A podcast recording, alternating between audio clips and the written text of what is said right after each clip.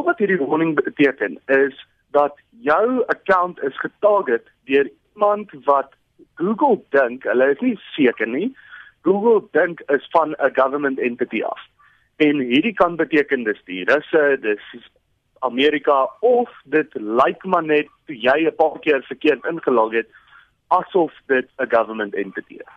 So as hy hierdie onsekerheid is, beteken dit mense kan rustig slaap of moet hulle maar steeds paraat wees daarteenoor? Selfs die ouens wat ek ken wat regtig mooi na hulle goedes kyk, kyk nie goed genoeg na hulle sekuriteit nie. Die manier wat ek dit altyd stel is as jy my 'n groot genoeg groep van mense gee om te target, sal mens by iemand se account kan inkom. De Pre sê dit begin gewoonlik met 'n ingeligte raaiskoot oor die teiken individu se wagwoord.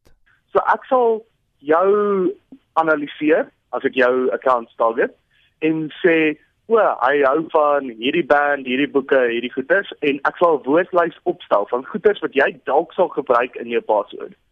En dan sal ek daai passwords teen jou account probeer. Maar jy jy weet uh, soos Google sal jou account uitskop as jy 5 keer of 10 keer verkeerd is. So wat hulle doen is hulle probeer een of twee elke dag.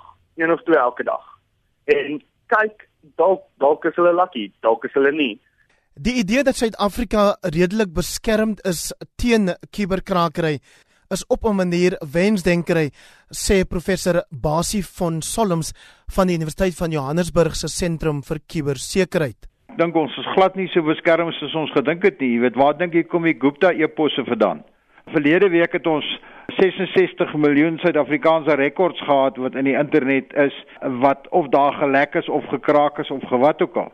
So ek dink ons is lankal deel van hierdie spel. Ons is miskien nog net bietjie onder die radarskerm. So hoe beskerm 'n mens jouself teen hierdie soort aanvalle? Two-factor authorization beteken daar is twee faktore elke keer as jy by iets inlog. So is jou bank. Party banke stuur vir jou elke keer as jy probeer stuur hulle vir jou 'n boodskap op jou foon met daai daai klein OTP one time pin. En daai beteken dat as ek jou account wil hê, moet ek jou username, password en jou selfoon hê.